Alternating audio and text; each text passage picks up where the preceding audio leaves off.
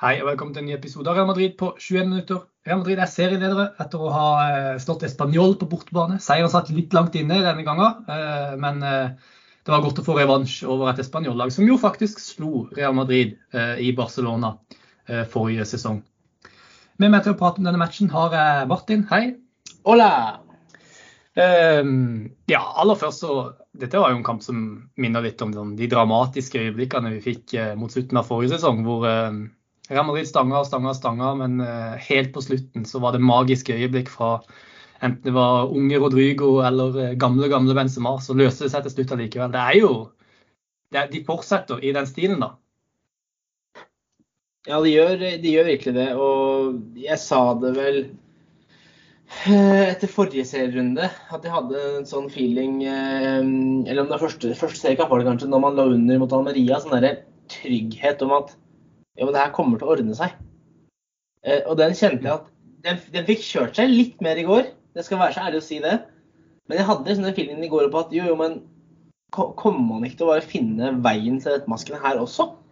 Og det viste seg jo at det skulle man så absolutt gjøre, og man fikk til slutt en, en seier som på papiret ser vesentlig mer komfortabel ut enn det den i realiteten var. Men det viktigste er at man får med seg tre poeng hjem.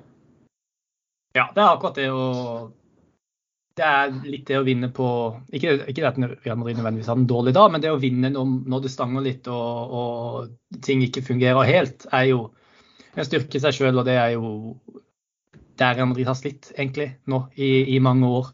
Uh, og det er jo kanskje det som gjerne har blitt trukket fram da, som uh, en av årsakene til at Real Madrid ikke har vært så suksessrike i Real i, La Liga, hvis du ser på det i et sånn tiårsperspektiv. Eh, nettopp det å slite med å avgjøre disse, de tette kampene på bortebane mot, eh, mot lag som er spanjol. Eh, og der har de virkelig tatt steg de siste årene, og det er gøy å se. Det, det sparer meg for en del frustrasjon, for å si det sånn. Og så syns jeg jo det er gøy også å se et Real Madrid-lag som som, som, varierer veldig fra, fra, kamp til kamp. Vi får se forskjellige konstellasjoner enten det er i midtforsvaret eller på midtbanen. Um, Lukas Vaskes får mange muligheter, Valverde kan ha spilt høyre kant. Også.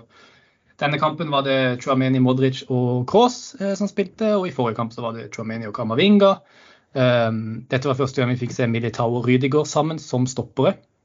Uh, og jeg syns det er en styrke at det er for det første er vanskelig å forutse Real Madrids startelver, men også det at Angelotti roterer mye.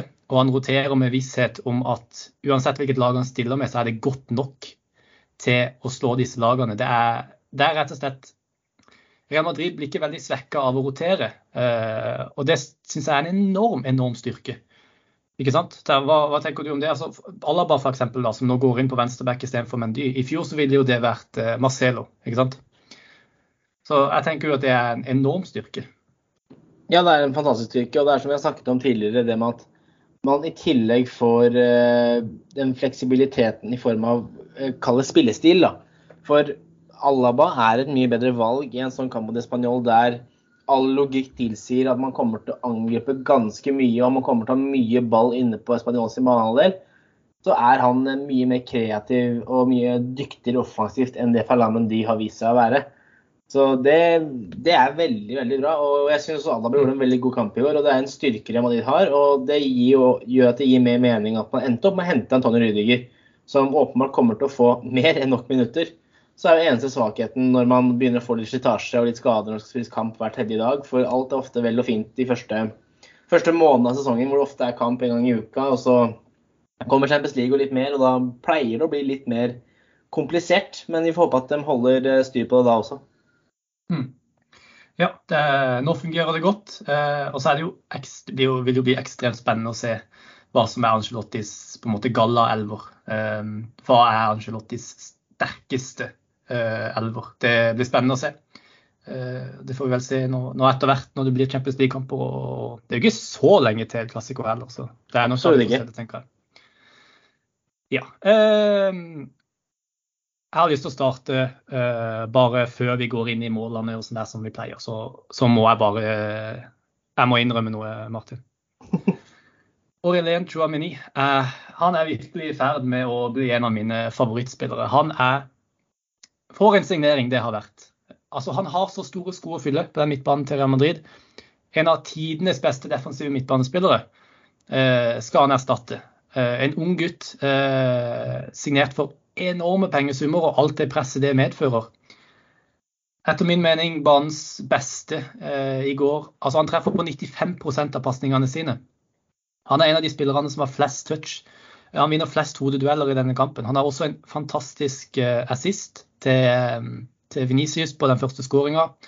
Han eh, er tredd sist på Real Madrids 2-1-skåring, eh, hvor det er han som spiller ballen ut til Rodrigo, og Rodrigo som da slår innlegget til Benzema.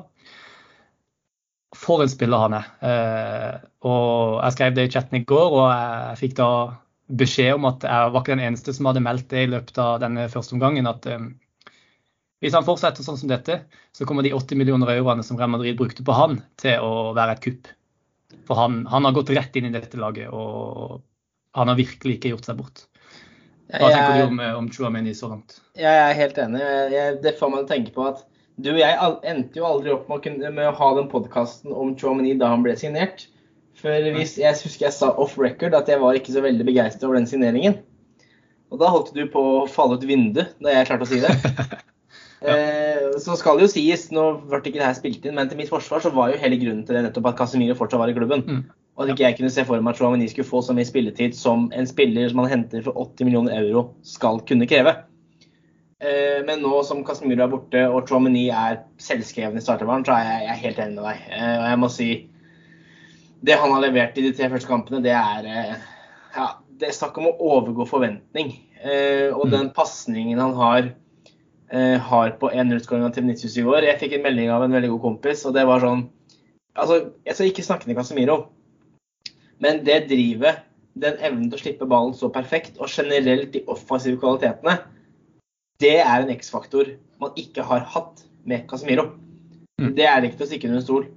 Uh, så jeg er, uh, ja, i likhet med deg, Kristian, i ekstase over det Chouameni har vist uh, så langt. Og som sagt, nå var det vel Det er to dager siden, det var ti år siden man hentet Luka Modic. og da det var 30 millioner euro for ti år siden, og man snakket om at det var mye penger da for en spiller som ikke var fast i elveren. Så får man ta inflasjon og alt dette følget og legge på litt til, så er det 80 millioner i 2022. Så får vi se hvor vi er om ti år, da. Ja, jeg har ikke lyst til å begynne å, å spå engang. For at, uh, jeg, kommer, jeg, kommer å, jeg kommer til å spå han opp i himmelen. Så det, tror, tror ikke vi skal ta det ennå. Men uh, også en viktig del av det han bidrar med. Uh, og det, jo, det, det, blir jo sånn at vi kommer til å sammenligne han med Casemiro. Det er uunngåelig, for han, han, er kommet inn for å erstatte han. Um, og det jeg syns han tilfører, som Casemiro ikke hadde i like stor grad, det er den evnen til å finne gode pasningsmuligheter kjapt under press uh, når Real Madrid spiller seg ut. Mm. Uh, og det var ekstremt mange situasjoner i går hvor jeg tenkte at um, enten det var Courtois som, uh, som fant en ledig Chouameni, eller om det var uh, en av forsvarsspillerne, hvor han på ett touch uh, snudde, vendte opp, spilte ballen videre til Cross, som spilte ballen videre til Venicius, eller at han fant Venicius sjøl. Eh, det går ekstremt mye fortere når Real Madrid vinner tilbake ball på egen banehalvdel og får den frem til de angrepsspillerne eh, som skal avgjøre kamper. Og Det er en ekstremt viktig egenskap, og det har jo kanskje vært eh, Casemiros største svakhet. da, At han, han, han, tuller litt for mye med ball i de situasjonene. Det går litt for seint, og han sliter under press. og Der er Chouamini hav, hav bedre enn en Casemiro. og jeg tror ikke at Real Madrid nødvendigvis tjener, kommer til å tjene så utrolig mye på å ha eh, Altså på å bryte ned dype blokker som spiller eh, i etablert forsvar. Altså at Real Madrid prøver å bryte ned en dyp blokk. De har ball, ikke sant. De vender spill frem og tilbake. Eh, for der, der, var egentlig Casemiro ganske god. Han var også god på å komme inn i boks eh, i, i farlige posisjoner. Men akkurat den utspillingsfasen og det å få til raske overganger, Mm. Der tror jeg Chouamini kommer til å heve Real Madrid enormt. Og rett og slett bare gjøre Real Madrid mer trygge med ball i utspillingsfasen. Og i går var et, et godt eksempel på det. Som sagt, 95% pasningstreffsikkerhet. Han traff på, i, til første omgang, så var det, til pause, så var det 98% Det er helt spinnvilt. Ja, det er, det er, helt sykt. Og når man ser, ikke nødvendigvis kampen, men man ser høydepunkter, så er det sånn altså Pasningssikkerhet på en prosent kan være litt misvisende i form av at du kan ha spillere som bare spiller støttepasninger. Men det gjør heller ikke Chouameni. Han er med framover og spiller veldig mange pasninger, såkalte progressive pasninger, som går framover. Eh, og de er jo av naturlige årsaker enda vanskeligere å treffe på. Så mm. de tallene er virkelig imponerende. Ja. En, eh, ja. Rett og slett en fantastisk, eh, en fantastisk prestasjon. Og ja, jeg begynner å gå litt litt tom for superlativer nå, så jeg tror det er på tide at vi går videre før det tar helt av. Uh, men ja, jeg er full av begeistring for Jeg bare bare siste, siste ord om Chomini, som jeg syns var et veldig godt poeng. Husker jeg ikke hvilken spansk journalist det var som skrev det på Twitter, men han har et sånt steg som minner meg litt sånn om Paul Pogba i 2015. Mm. Da liksom alle, hele verden ville ha Paul Pogba. Eh, Riktignok så er Pogba basically bare samme variant, men offensivt. Eh, mens Jomany er enda mer defensiv. Men det der steget når han først setter fart, det syns jeg er ganske godt påpekt. at Det er veldig likt. Og når det godstoget der kommer opp i fart, så skal det mye til for å stoppe det. Mm. Ja, han er kjapp, altså. Eh, mm. Kanskje ikke på sånne korte avstander, men når han virkelig kommer opp i fart, så er han vanskelig å stoppe. Så yes. Det, det, blir gøy. Og jeg kjenner at det er ekstra gøy å se på Real Madrid-kamper nå, når, når som Chuameni starter stort sett det aller meste. Ja. Ja, eh, nå brukte vi en del tid på det, men det er helt supert. Helt greit. Eh, men vi kan ta det som, som jeg nevnte, så den første skåringa var jo eh, Chuameni og Venezia som, som, kombinerte et flott angrep. Eh, og en iskald avslutning av Venicius. Eh, og det er kanskje et eh, fint sted å, å, stoppe litt opp og dvele litt ved det. For Venicius junior er jo begynner virkelig å finne formen nå. Og jeg vil faktisk si at han har vært Real Madrids beste angrepsspiller så langt denne sesongen. Som er litt en ganske sterk påstand da, når man har Karim Benzema som nettopp plukka opp prisen for, for, årets spiller fra Uefa. Så ja, hva syns du om Venicius? Nå er du like imponert som det? Ja, absolutt. Og eh, hva skal jeg si for noe? Jeg føler Vi, jeg, vi har snakka så vanvittig mye om han det siste kalenderåret, men i går òg syns jeg er sånn du, Det er et tidspunkt på slutten der hvor Español har tre mann som går i retning Venicius, og det er bare den evnen han har til å da slippe ballen videre, om det så er til Alaba eller tilbake til Camavinga. Så liksom, Det oser så fotballforståelse. Og det var jo det vi kaller skrek av fortvilelse, at han mangla da han kom. Mm. Eh, den, og, man, og, veldig mange sa sånn kan man ikke lære, det er sånt man har. Og jeg, jeg var heller ikke uenig i det. Men jeg syns han gjør så mange riktige valg nå. og Jeg har altså sett en analyse av den første skåringen, med hvordan han kommuniserer og hvordan han og Benzema kjenner hverandre såpass godt. At, ikke går, altså at Benzema trekker vekk for å åpne rom, og Venicius går inn i rommet. og At det, alt bare glir så bra. Så nei. Eh, du snakket om å gå tom for superlativ, Christian. Jeg føler jeg er på vei til å gjøre det samme når det kommer til Venicius Junior. Den, den mannen er helt enorm. Det eneste jeg vil påstå han mangler nå, er å Eh, få opp eh, presisjonen på skudd med venstrefoten sin. Eh, han har fått det med høyre, så det er bare å begynne å gjøre med venstre. Og får han til det, så er virkelig sky the limit. Han har eh, fem skudd eh, i løpet av denne kampen. Det er bare Benzema som har flere. Eh, Josselu hadde like mange. To skudd på mål. Eh, to skudd som var blokkert, og ett skudd som gikk utenfor. og han er også den spilleren som har flest nøkkelpasninger Eh, i løpet av denne kampen. Og Det sier litt om at Real Madrids angrep eh, om dagen handler ekstremt mye om Venicius. Kanskje til og med nå i, i sesongstarten så handler det mer om Venicius enn det handler om, om Benzema. Og det er, sier litt om det steget Venicius har tatt det siste året, men det sier også litt om at man har blitt vant til at han på en måte er, kan være en avgjørende spiller for, eh, for Real Madrid, og, gjerne er det. Um, og til og med når de setter tre spillere på han, så finner han en måte allikevel. Det er, ja, det, er, det er, helt utrolig hvor god han har blitt. Ja, eh, Vi kan jo kjapt ta Español sin skåring. Jeg tror ikke vi skal dele for lenge med det, for det var jo gøyere ting som skjedde på slutten. Men eh, det er jo en del som har retta litt fingre mot Militao i den situasjonen. Eh, en ball som, som, havner hos Josselu. Jeg husker ikke helt hva som spilte den pasninga, men eh, iallfall Josselu i, i boks, flink til å bruke kroppen sin. Jeg forstår veldig godt eh, de som mener at Militao er for passiv i den duellen. Han, han gir Rosselu muligheten egentlig til å vende opp og avslutte. og det Litt tettere opp i kroppen der, så er det ikke sikkert han får avslutte i det hele tatt.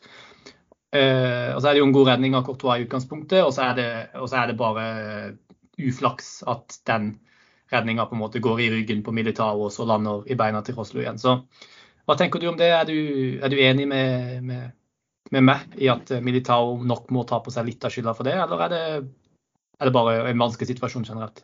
Nei, altså jeg er vel enig. Uh, og jeg, jeg, nevnte for deg off record at jeg var litt småskuffa av Benzema i går. Og nummer, nummer to var Militao. Det var viktig å si før Benzema skåra to. Og da jeg så en tweet som hadde påpekt at Militao og Benzema kom i sånn der halv skal ikke si sløve, men litt sånn uh, Ja, han har ikke kommet tilbake helt på det nivået, det vanvittige nivået de var forrige sesong. Og det er sånn, Men jeg føler med Militao så vet vi det egentlig. Uh, vi må huske at han er fortsatt ekstremt ung til å være midtstopper. At det vil komme noen sånne, det, det er sånt som skjer. Eh, nå har han konkurranse i laget ved at Rydiger er der, og han vet veldig godt at det er ikke veldig mange sånne feil han skal ha før veldig fort er Rydiger, Alaba og Mendy. Og Militao sitter godt på benken. Så jeg, jeg, tenker at ja, eh, det er Militao som eh, sånn sett skal få lov til å ta den på sin kappe. Men så er det å bare legge den, legge den død, egentlig. Mm. Eh, jeg tror ikke vi trenger å prate noe mer om det. Joselu feirer som en galning, eh, selv om han er selvutnevnt Real Madrid-fan. Var jo i Paris for å se Real Madrid eh, slå Liverpool i finalen. Kommer fra akademiet. Det hindrer han ikke i å feire. Og det var vel han som skårte om det var for to sesonger siden mot Real Madrid på Estadio Alfredo Di Stefano. For Alaves, ja. For Alaves, den der mm. situasjonen hvor, hvor Courtois spilte en feilpasning. Var ikke det Rosselu? Det stemmer, stemmer. Da feirer han også som en galning. Så eh, jeg kjenner jeg har litt rart forhold til han fyren der. jeg respekterer det veldig. fordi at altså, Jeg er den typen som at spiller du for et lag, så skal du sånn sett feire at du, du, gjør en jobb for det laget. Og så er det som du sa, Christian, han har jo vært i Real Madrid-akademi og er Madrid-gutt. Og han er vel bl.a. ekstremt god kompis med Dani Carvahal. Uh, og han er selv, selvutnevnt at uh, er det Champions League som ikke han er god nok til å spille, så er han Real Madrid-fan på sin hals. Og derfor så var han i Paris med Real Madrid-drakt.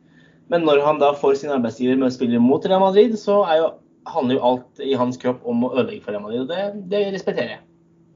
Ja, det er helt fair. Og uh, han er en god spiss, det er ingen tvil om det. En kraftspiss. Uh, god avslutter og god til å bruke kroppen sin. og sånn der. Det, taget spiss. Sånne, sånne spisser liker jeg litt. Det er en litt sånn det blir mindre vanlig, ikke sant? så jeg syns det er litt gøy å se sånne, sånne kraftspisser. Litt som Mitrovic i, i Fulham. Fantastisk gøy å se på.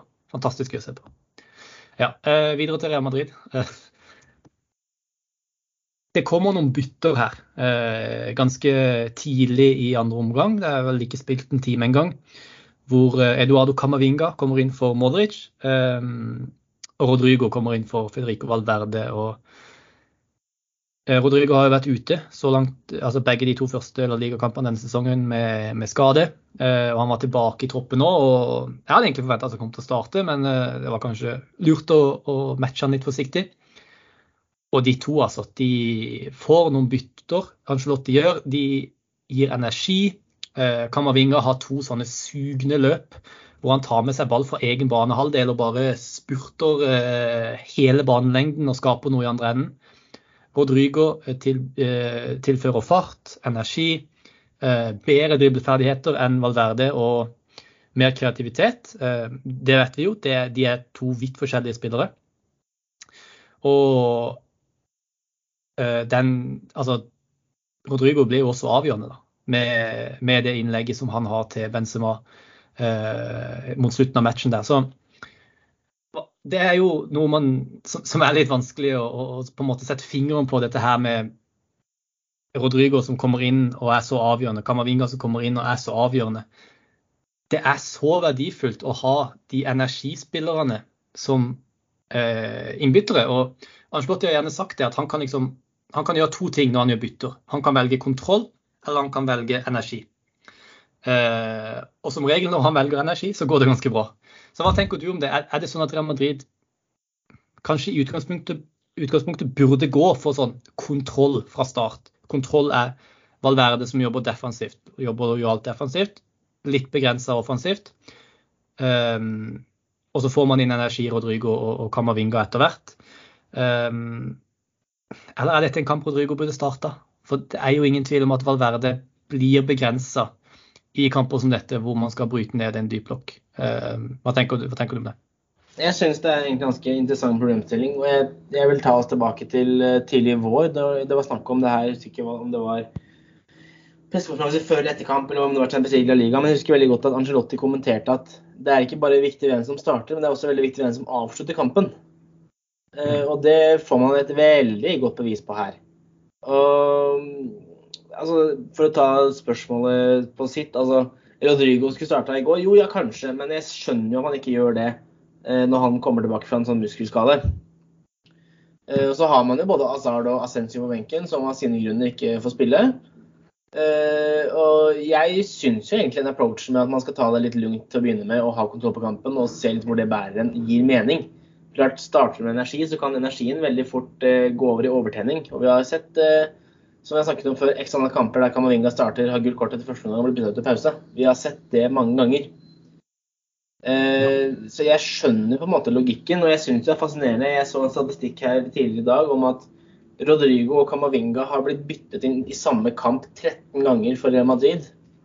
Eh, av de 13 så har Real Madrid vunnet 12 kamper. Den ene kampen man ikke vant, den tapte man hjemme mot Chelsea, men da gikk man allikevel videre i Champions League. Og det syns jeg er ganske oppsiktsvekkende eh, statistikk. Og det viser jo, som du sier, at det pleier å gå ganske bra når Anslotti velger å kjøre på de her inn fra benken.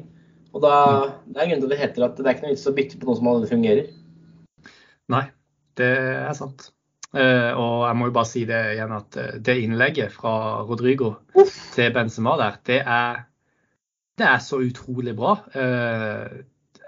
Og Jeg tror ikke jeg skjønte det helt første gang jeg så det, men da jeg så det på reprisen. Det er så godt plassert. Eh, og for å være helt ærlig, så det, det, dette, Denne sammenligninga ble tatt opp på uh, Managing Madrid-podkasten uh, de slapp etter kampen. Den minner litt om uh, Modric sitt innlegg til Rodrigo mot Chelsea. Nå var det riktignok med utsida av foten, men plasseringa på bakerste stolpe, som er så presis at det er umulig for forsvarsspillerne å forsvare seg. Keeperen Eh, vet ikke hva han skal gjøre. Eh, skal han gå ut, skal han ikke? Og så dukker Benzema opp og setter ballen i mål. Det er verdensklasse over det innlegget fra Rodrigo. Eh, og Rodrigo gjorde generelt et, et godt innhopp, og det er godt å se han tilbake på fotballbanen. Jeg tror han jeg har stor tro på Rodrigo denne sesongen, at han kan bli en avgjørende spiller for Real. Det siste vi må prate litt om uh, før vi gir oss, det er Karim Benzema, som skårer to mål i, eh, i, denne matchen. Til tross for egentlig å ha vært ganske usynlig. Eh, Iallfall ikke så involvert som vi er vant til å se han eh, under store deler av denne kampen. Og det kan være at det bare var en, en tøff match med et lag som, som, ligger dypt, men vi er definitivt vant til å se Benzema mer på. Eh, med høyere presisjon eh, og mer involvert. Men så er det noe med dette her med de beste spillerne i verden. De trenger ikke spille sin beste kamp eh, for å bli avgjørende. Og han ender på to mål her, og det er på en måte vanskelig å, å se bort ifra det. Så hva, hva tenker du om dette? Dette her er jo kvaliteter vi har sett fra eh, Messi. Ikke sant? Kan være helt usynlig, og så skårer han et langskudd fra 30 meter. Ronaldo hadde samme, samme tendenser. Hva tenker du om Er det rett og slett bare det at Benzema har blitt så god nå? Ja, jeg tenker jo egentlig etter at han har basically vært på det nivået her i ja, skal vi si to år, da, for å ta i litt, eh, så mm. syns jeg det. Eh, han har vist deg den der, det verdensklassestempelet mer enn verdig. Og eh, da vet man at han trenger ikke å være på i samtlige 90 for å dukke opp og avgjøre når, når, det, når det, står på vippen. Og, og, mer kan man jo strengt tatt ikke be om enn det. Så jeg syns absolutt det beviser det her, Kristian, at det, det, er lite å bekymre seg for. Ja, definitivt. Ja, det er nå 3-1. Real Madrid er serieledere. Ting er som de skal være. Tre, eh, tre seire på de tre første kampene. Eh, neste helg er det Betis. Eh, det er vel også på Santiago Bernabeu? Det er det på hjemmebane, og det er Betis har også full pott i de tre kamper. Ja. Det er faktisk eh, toppkamp, kampen om, eh, om eh, ligatopp. Så det blir spennende og gøy å se Real Madrid på Santiago Bernabeu igjen. Veldig. Takk for at du var med i dag, Martin. Du, det var en, en sånn glede. Takk til alle dere som hørte på, og til neste gang, à la Madrid.